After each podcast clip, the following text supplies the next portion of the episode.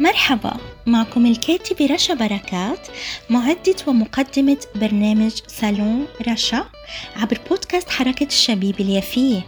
صالون رشا رح يكون صالون مفتوح لكل أنواع العناوين المحلية والعالمية واللي أكيد بتفيدنا. اسمعونا على منصات التواصل الاجتماعي والتطبيقات Spotify Podbean Google وابل وطبعا على الفيسبوك بصفحتي بودكاست حركة الشبيب اليافية وحركة الشبيب اليافية. سالون رشا.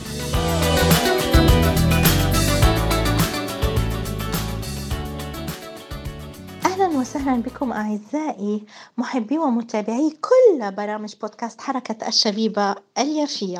أما اليوم في برنامج سالون رشا فأحببت أن أستضيف مرة أخرى ثالثة تقريبا الأستاذ رامي صايغ لأنه أستاذ أيضا في وهو باحث طبعا فلسطيني في يافا وكذلك فاعل ومدير في حركة الشبيبة اليافية وكذلك هو أستاذ تاريخ ومدنيات في مدرسة تيرا سانتا.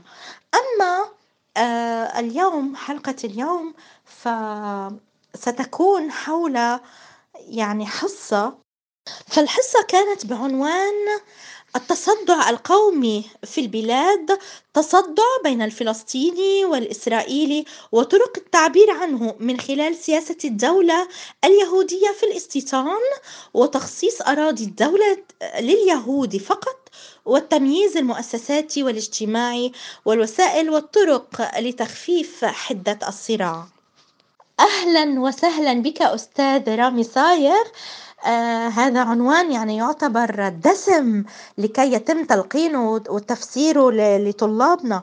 يعني وطبعا آه أود أن أسألك لو لو يعني تقول لنا كيف كانت الحصة وكيف كان التداول بها مع الطلاب وكيف كانت ردة فعلهم؟ يعني كيف تم تناولها؟ تناول هذا العن... هذا العنوان وهذه أو هذه العناوين الدسمة في تلك الحصة المهمة جدا. لأولادنا نحن أهل فلسطين ومدينتنا في قلب مدينتنا يافا المحتلة التي تسمى أجزائها بتل أبيب. أهلا وسهلا بك في صالوني صالون رشا عبر بودكاست حركة الشبيبة اليافية. شكرا جزيلا زميلتي وعزيزتي ورفيقتي وصديقتي رشا بركات التي لا تكل ولا تمل. برامجك آه، أتحفتنا. من شي سنتين وشوي خاصة صالون رشا. وطبعا البرامج اللي كانت واللي موجودة برضو زي ما بنحكي دايما بالبرومو بباقي التطبيقات برامجك اللي كانت برضو فادت وأضافت لكل الأجيال. وبأمل إنه صالون رشا يستمر لأنه برنامج مش بس للاستضافة إنما كمان لمعلومات كتير كتير هامة تخص بشؤون فلسطين إن كان بالداخل أو بالشتات. وبشكرك على إيه، اختيار هذا الموضوع اللي هو شائك كتير. وطبعا إيه، ملائم لكل الأجيال. شوية صعب على أجيال المدارس هذا للثانوية بالتحديد صف الحادي عشر. يتم تعليم مادة المدنيات اللي هي زي موطن ببلاد تانية. أو زي العلوم السياسية شبيهة بالعلوم السياسية. وهنا بيجوا بيحكوا لهم عن التصدع اللي متواجد يعني التضارب أو الصراع بين آه، طرفين هو الطرف الفلسطيني والطرف الصهيوني. طبعا بالكتب آه، خاصة المدنيات لأنها مترجمة من العبرية لا يتم استعمال الاحتلال أو الصهيوني أو المصطلحات اللي إحنا دايما بنشدد إنه تكون. إنما بيستعملوا الإسرائيلي. فموضوع التصدع القومي آه، كان كتير آه، مهم لطلابنا اللي عايشينه ما قبل حرب غزة وخلال حرب غزة أكيد بس قبل كمان كانوا شايفينه وعايشينه ومتابعينه. كمان جزء من الطلاب في عندهم هاي المواكبة حول القضية نفسها حول العنصرية. اللي تخرج من كل آه، مؤسسات دولة الاحتلال إن كانت مؤسسات مدنية أو مؤسسات غير مدنية. فتم شرح مقدمة كتير كتير طويلة بصراحة بحصة اليوم عن التصدع العربي الإسرائيلي يعني الدول العربية والكيان الصهيوني كيف كان في تصدع وما زال في تصدع حتى بعد اتفاقيات ما تسمى اتفاقيات سلام اتفاقية كامب ديفيد 1978 مع مصر اللي هي اتفاقية استسلام اللي بقرأها وبطالعها وبتعمق ببنودها بشوف إنه هاي اتفاقية استسلام واتفاقية الأردن مع الأردن عام 1994 فتم شرح للطلاب الخلفية التاريخية كيف الدول العربية خسرت مرتين. أول مرة بال 48 لما أدخلت جيوشها غير الملائمة للحرب بكميات كتير قليلة. هذا طبعا من كتاب عارف العارف اللي عم بعمل عنه حلقات. إن شاء الله يكون حلقات بالمستقبل. يعني كل الدول اللي تحيط فلسطين أدخلت جيوش ولكن بكميات لا تكفي وباعتداء اعتادات آسف وأسلحة غير كافية. فالصراع بدأ من من 15 5 عام 48 وطبعا كان في صراع غير مباشر قبل الجلاء البريطاني من فلسطين والدول العربية كلنا بنعرف موقفها من الاستعمار البريطاني كانت ضدها وحاربت ضدها ما عدا دولة الأردن أو مملكة الأردن اللي كانت منصاعة بشكل تام للإنجليز حتى بعد ما الإنجليز أعطوا الحكم للملك عبد الله الأول. فكان كتير مهم إنه أقدم للطلاب المقدمة التاريخية ليعرفوا إيش هو الصراع العربي الإسرائيلي. يعني إن الدول العربية مش من فراغ تتصدع أو تتصارع مع الكيان الصهيوني. وشرحت لهم طبعا باختصار إنه تم كيف بقولوها استسلام تام من قبل هاي الدول من خلال اتفاقيات وقف إطلاق النار برودوس عام 1949 فهذا خلق المشكلة اللي أكبر من القضية الفلسطينية اللي هي القضية الفلسطينية العربية. يعني صار صراع مش بس فلسطيني صهيوني إنما كمان عربي صهيوني. وهذا واحد من الأسباب تبع التصدع إنه حوالينا حوالين فلسطين المحتلة في دول هزمت مرتين وعملت اتفاقيات بما يسمى سلام ولكن ما زالت بحالة اللي هي غير ملائمة لعلاقات صحية أو علاقات طبيعية رغم التطبيع اللي كان بالاتفاقيتين. سبب تاني اللي كمان كتير واضح لهم لأنه إحنا عايشينه هو إنه المجتمع العربي الفلسطيني بالداخل للأسف مغيب كتير بالصحافة العربية المختلفة يعني الأردن لبنان سوريا العراق السعودية أكيد دول الخليج أكيد مصر. في تعتيم تام وأنت دائما تذكري هذا الإشي وبنشكرك لأنه هذا واجبنا إنه نسلط الضوء على التعتيم الإعلامي اللي موجود على ما يسمى عرب 48 طبعا إحنا بنتحدى هاي التسميات وأنت كمان بمقالك القديم اللي كان عن نحن لسنا كود. هذا سلط الضوء على هاي القضية إنه إحنا مش كود. طبعا الاحتلال قسمنا وما يزال يقسمنا. بالقانون المحلي بقسمنا لأقليات بقولش الأقلية العربية الفلسطينية. هنا بقسمنا لأقليات دينية. يعني مسلم مسيحي وللأسف بحط كمان البدوي كأقلية مع إنه هو عربي فلسطيني مسلم. وبضيف عليه الدروز اللي هم المعروفيين. اللي جزء منهم يخدمون بالجيش جيش الاحتلال بشكل كيف بقولوها رسمي يعني واجب عليهم يخدموا لأنه كان في اتفاقية بالخمسينيات من القرن العشرين.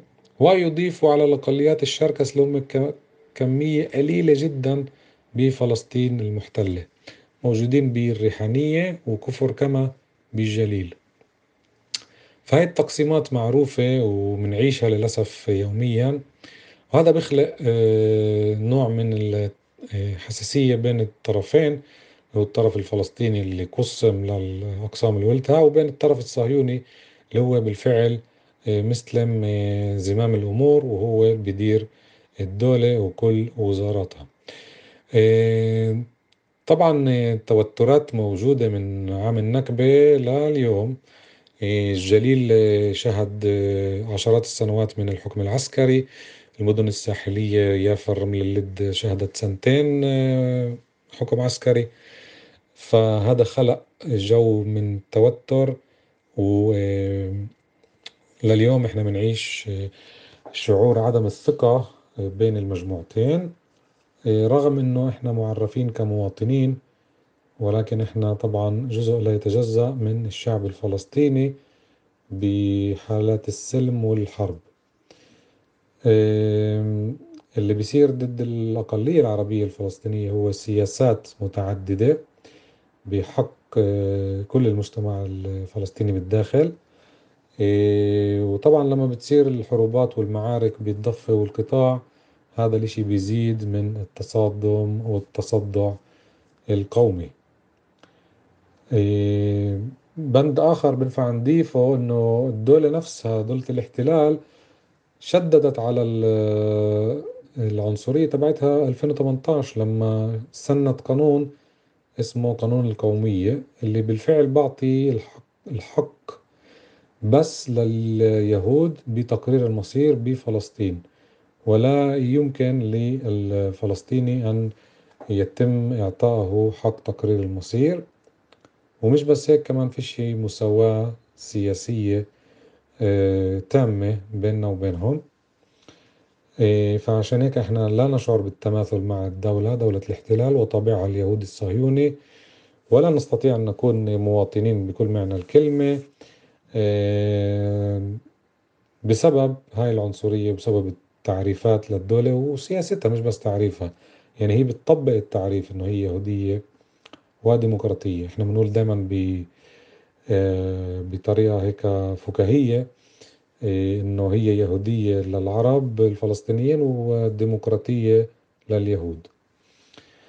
فالتصدع كمان يتم تأجيجه آه، من قبل الأطراف اليهودية الصهيونية المتطرفة اللي بتحاربنا بكل الطرق ما يسمى القانونية. وكل القوانين على أرض الواقع تطبق ضد كل من هو ليس صهيوني أو يهودي أو إسرائيلي حسب التسمية نفسها. فالأقلية العربية الفلسطينية في البلاد إيه، بنظر اليمين المتطرف طابور خامس اللي بيهدد أمن الدولة واللي لازم يتم محاربته بكل الطرق الممكنة. في كتير سياسات اللي آه، تمارسها الدولة دولة الاحتلال منذ قيامها من عام النكبة. مثلا سياسة الاستيطان اللي متواجدة آه، بمؤسسة اللي هي اسمها الصندوق القومي لإسرائيل. هاي المؤسسة قبل الكيان قبل النكبة كانت تشتري أراضي بطرق غير طرق. وذكرت برضه بحلقاتي السابقة عن شراء الأراضي من أهاليها العرب الغير فلسطينيين إن كان لبنانيين أو سوريين واستثمار هاي الأراضي وبناء مستوطنات حتى بفترة الحكم العثماني. فهاي المؤسسة بعد النكبة صارت مؤسسة رسمية. الدولة لا تتدخل فيها إنما تعطيها كامل الصلاحيات وكأنه عندها حصانة اللي تقدر تشتري أراضي وما تبيعش أراضي.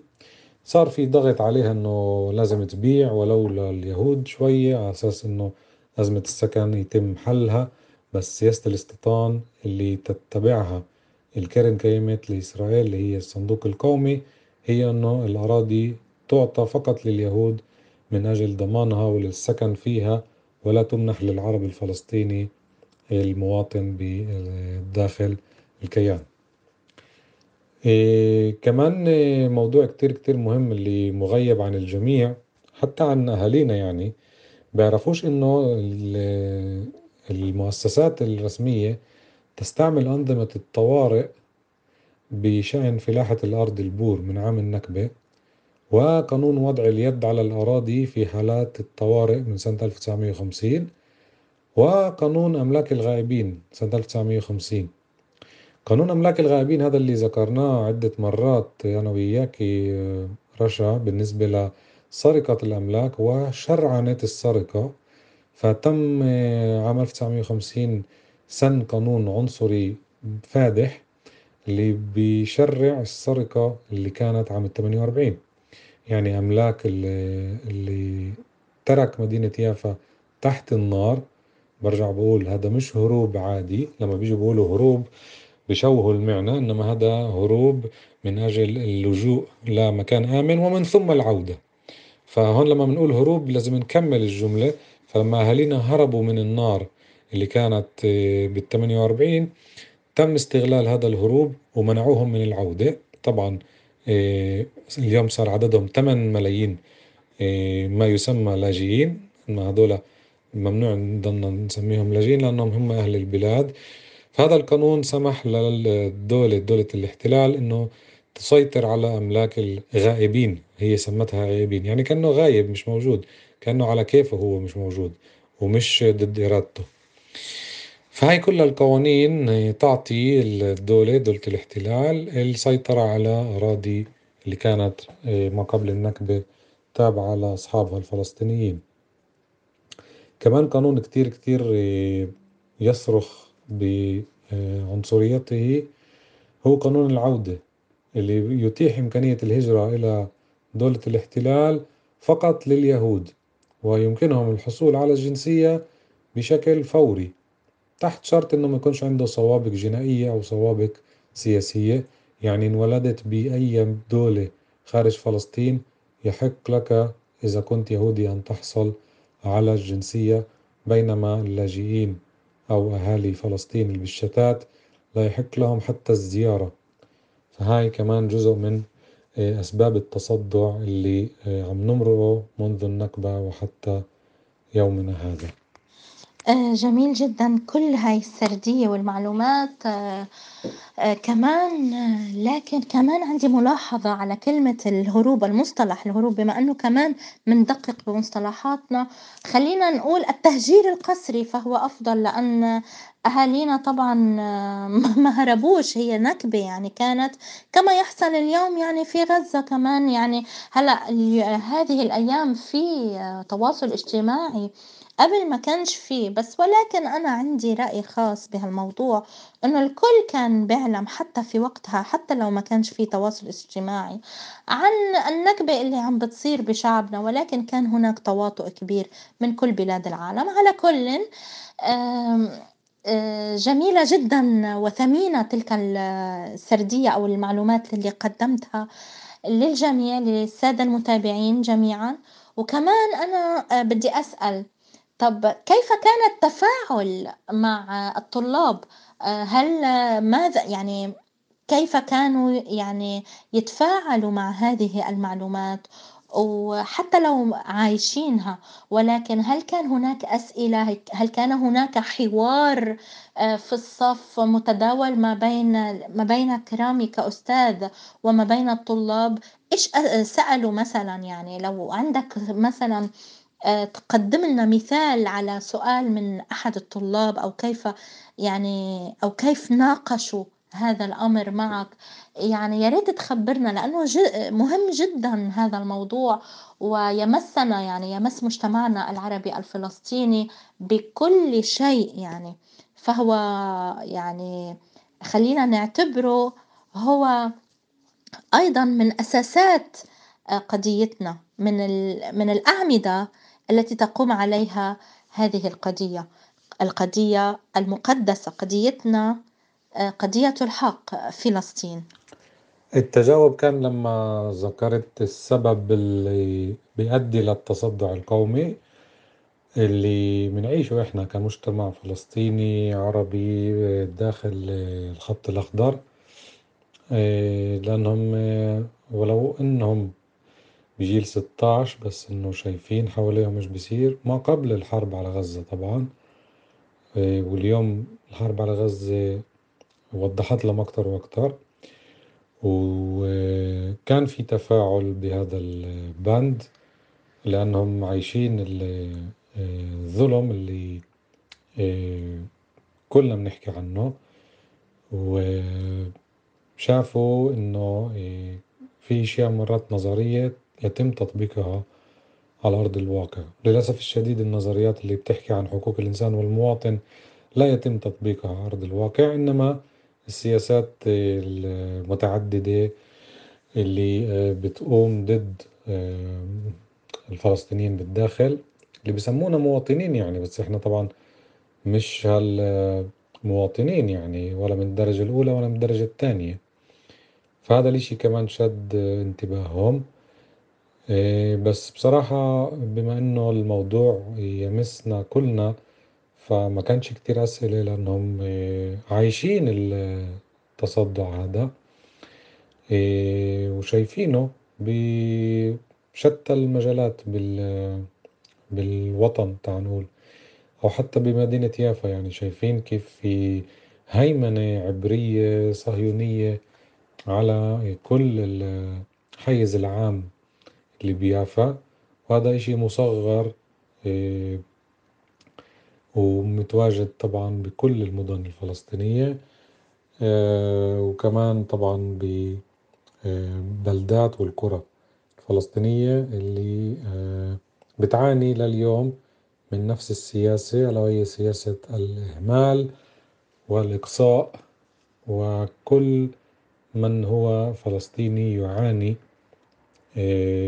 حتى لو أنكر هويته وقال أنا مثلا إسرائيلي هذا لا يعفيه عن السياسة العنصرية التي تتمثل بعدة أماكن أو بعدة حالات. حينما يصبحون مواطنون دعنا نقول فوق جيل الثمنتاش سيفهمون وسيستوعبون أن وجودهم كمواطنين فلسطينيين أو كفلسطينيين مواطني هذه الدولة دولة الاحتلال سيواجهون العديد من الصعوبات وأحيانا من المطاردات. عزيزي أستاذنا رامي صايغ أنا سعدت بلي يعني باستضافتك وسعدت جدا باللي قدمته لنا كإضافة كمان وأغنت سالوني. ولأن أنا أرى إنه هذه المادة لتعليم أجيالنا الصاعدة مهمة جدا لأنها كمان يعني فيها جزء مهم جدا بالتوجيه الوطني.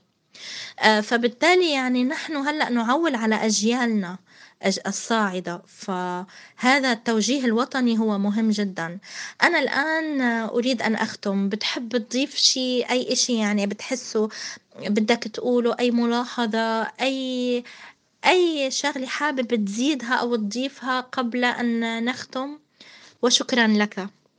قبل ما أختم كمان مرة بدي أشكرك اللي بتقومي فيه رشا هو أمر إحنا بحاجة لإله.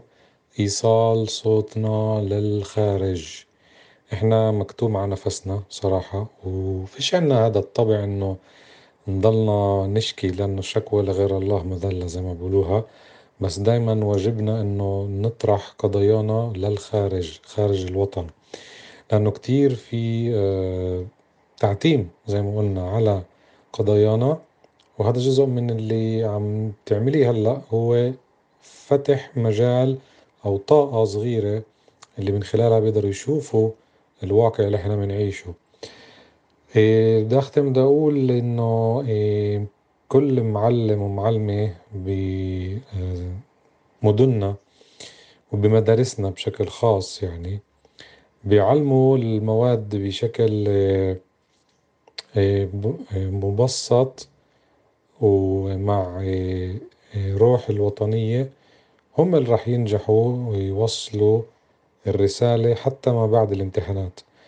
لأنه الطالب بفهم إنه إيه، هذا الأستاذ اللي قباله جاي آه، يعطيه درس آه، ومعنى من وراء هذا الدرس أو مجرد بس جاي يعمل واجبه كأستاذ ومش كمعلم. فهنا في فرق وأنا بكل تواضع بقولها إنه لازم كل الطواقم تبعتنا إن كان بيافا أو بمدن تانية تاخد الموضوع بجدية مش بس لتعليم المدنيات إنما كمان التاريخ اللي هو مش أقل أهمية من المدنيات. إيه، مش بس بجدية مهنية إنما كمان برسالة مضاعفة. يعني إنه نربي أولادنا وطلابنا الجيل الصاعد التربية مش بس المدنية. إنما التربية الوطنية. وهذا الإشي بظل الاحتلال متاح ومش لازمها كتير شجاعة بصراحة. ونأمل إنه الرسالة هاي توصل لكتير مستمعين كمان للمستمعين بالداخل ليفهموا إنه إحنا أصحاب حق أصحاب قضية ولا نخاف ولا نهاب. هذا هو جزء من عملنا وجزء من تقديمنا. المهني إنه مش بس نعطي علامات لأولادنا إنما كمان نهيئ لهم آه، ظروفهم أو نهيئ لهم حياتهم اللي راح تكون ما بعد المدرسة مع إضافات هنا أو هناك آه، اللي تفيدهم كمان واللي تقوي لهم الوعي القومي. كمان مرة شكرا لك وشكرا لحسن الاستماع. أهلا وسهلا أستاذنا رامي صايغ في صالوني دائما أبدا طبعا وهو صالونكم يعني صالون كله فاعل وكله آه، مجتهد وكل ناشط وكل فنان ومبدع إلى آخره. آه، يعني فيما يختص بقضيتنا أو حقنا الفلسطيني. آه، طبعا بالنسبة لشكري آه، فهذا واجبي أن أكون سفيرة لبلدي يعني ومدني. أنا يعني ابنة مدن الثمانية وأربعين المغيبة. ودائما أقول أن هناك تقصير إعلامي فظيع ومقيت. وعدم فهم لسيناريو آه، الثمانية وأربعين. وكمان يؤسفني طبعا أنا كتبت مقالة في السابق باسم أنا لست كود. أي ليس أنا الشخصية إنما أنا الكلية يعني نحن كشعب فلسطيني لسنا كود لسنا رقم لسنا رمز لكي تصنفونا 48 أو 67 أو ضفة غزة إلى آخره. قدس إلى ما هنالك من أمور أجندوية نحن لا نريدها لأننا نريد أن نوحد صفوفنا ونوحد شعبنا لأن في الاتحاد قوة ونحن كلنا أبناء شعب فلسطيني الواحد. ولكن نعم هناك تقصير إعلامي وعدم فهم للسيناريو ما أسموه برقم 48 اللي هو إحنا مدننا. آه وطبعا نحن واجبنا كأصحاب القضية وأصحاب الحق الفلسطيني وأبناء الأرض والهوية والجذور الفلسطينية وأبناء هذه المدن المغيبة أن نكون سفراء لها أينما نكون أينما تواجدنا على هذه الكرة الأرضية. وبكل ونستخدم كافة أساليبنا وتعبيرنا آه، كل بطرق بطريقته وبأسلوبه وبنطاق عمله إلى آخره. آه، طبعا أعزائي المتابعين آه، أنا يعني تشرفت اليوم بلقائي مع الأستاذ رامي صايغ ابن مدينتنا يافا يافا التي كانت وستبقى دفة الشرق كله. ولطالما كانت آه، تسمى آه، أم الغريب لأنها كانت تحتضن العالم جميعا قبل النكبة وتوظف العالم دون سؤال عن جنسية أو لون أو دين. آه، نحن أبناء الكرم والكرامة وتعودنا وتربينا كذلك على هذا. طبعا مدينة يافا هي عروس فلسطين كذلك كانت تسمى وعاصمتها الثقافية. وهي من المدن أقدم المدن الساحلية أقدم المدن التاريخية. آه، يمكنكم الاطلاع آه، على تاريخها والمعرفة أكثر عنها. وكذلك نحن في بودكاست حركة الشبيبة اليافية قدمنا الكثير من الحلقات عن يافا. وأنا ببرنامج سابق لي قدمت اسمه حكاية رشا. قدمت أيضا حلقة عن تاريخ يافا. وكذلك لدي آه، برنامج اسمه سما يافا الآن. آه، إذا آه، أتمنى أن تعلموا تمام العلم أن هناك تقصير إعلامي بحق مدننا. وللأسف. ويعني هناك لغط وعدم فهم لأهل شعبنا الفلسطيني في الداخل.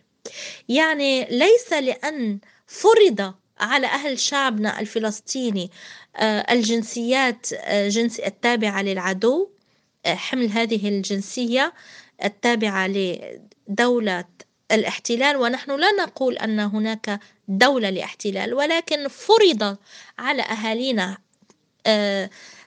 أن يحملوا هذه هذا الجواز السفر وللأسف بحكم الأمر الواقع وخاصة بعد الثمانية وأربعين يعني بعد ما صار صارت النكبة بالثمانية وأربعين فرض على أهالينا أن يحملوا هذا الجواز السفر. ولكن لو سمحتم يعني ليس لأن هناك عوائل متبقية قليلة لنا عندنا في مدينتنا يافا وتحمل هذا الجواز السفر لا يعني أنها تنتمي لهذه الهوية. لا يوجد هوية أصلا لاحتلال. وأهل شعبنا الفلسطيني نعم آه لا لا يقبلون بوجود الاحتلال. حتى وإن كان هناك وجود يعني مؤسسات وغيرها والكل يعمل بها بشكل مختلط. لكن هذا لا يعني أن الفلسطيني نسي جذوره أبدا. وهناك تقصير إعلامي بحق المظلومية الفلسطينية في مدننا تلك. لهيك أنا يعني بتمنى إنه الكل يراجع كل هاي الأمور ونقعد نتفكر كلياتنا بشكل يعني موضوعي ولائق وفاه ويعني وواعي وحضاري وراقي وفيه فهم وقراءة وليس هيك مهاترات ورمي كلام وإلى آخره. فأنا بدوري كمان يا أعزائي بتوجه للجميع وبقولكم ابقوا اعرفوا آه، عن تاريخنا العربي تاريخ كل بلادنا العربية وكل ما حصل بنا نحن العرب يعني في كل البلدان العربية والتقسيمات وغيرها. لأن الإنسان عندما لا يعرف ولا يعلم عن جذوره فهو لا مستق لا حياة يعني لا واقع له ولا مستقبل له. يعني يجب أن نعلم عن تراثنا عن عن جذورنا عن بلداننا عن تاريخنا عما حصل بنا من نكسات ونكبات وفتن وتقسيمات وإلى آخره. وألقاكم أعزائي طبعا بخير. وصلت لختام حلقة اليوم في صالون صالون رشا وطبعا يمكنكم أن تتابعوا كافة برامجنا عبر منصات التواصل الاجتماعي والتطبيقات مثل Spotify Apple Google و Podbean وكذلك عبر صفحتي الفيسبوك حركة الشبيبة اليافية وبودكاست حركة الشبيبة اليافية وعبر الإنستغرام بودكاست حركة الشبيبة اليافية. دمتم بخير. ألقاكم بحلقة جديدة وعنوان جديد في صالوني صالون رشا.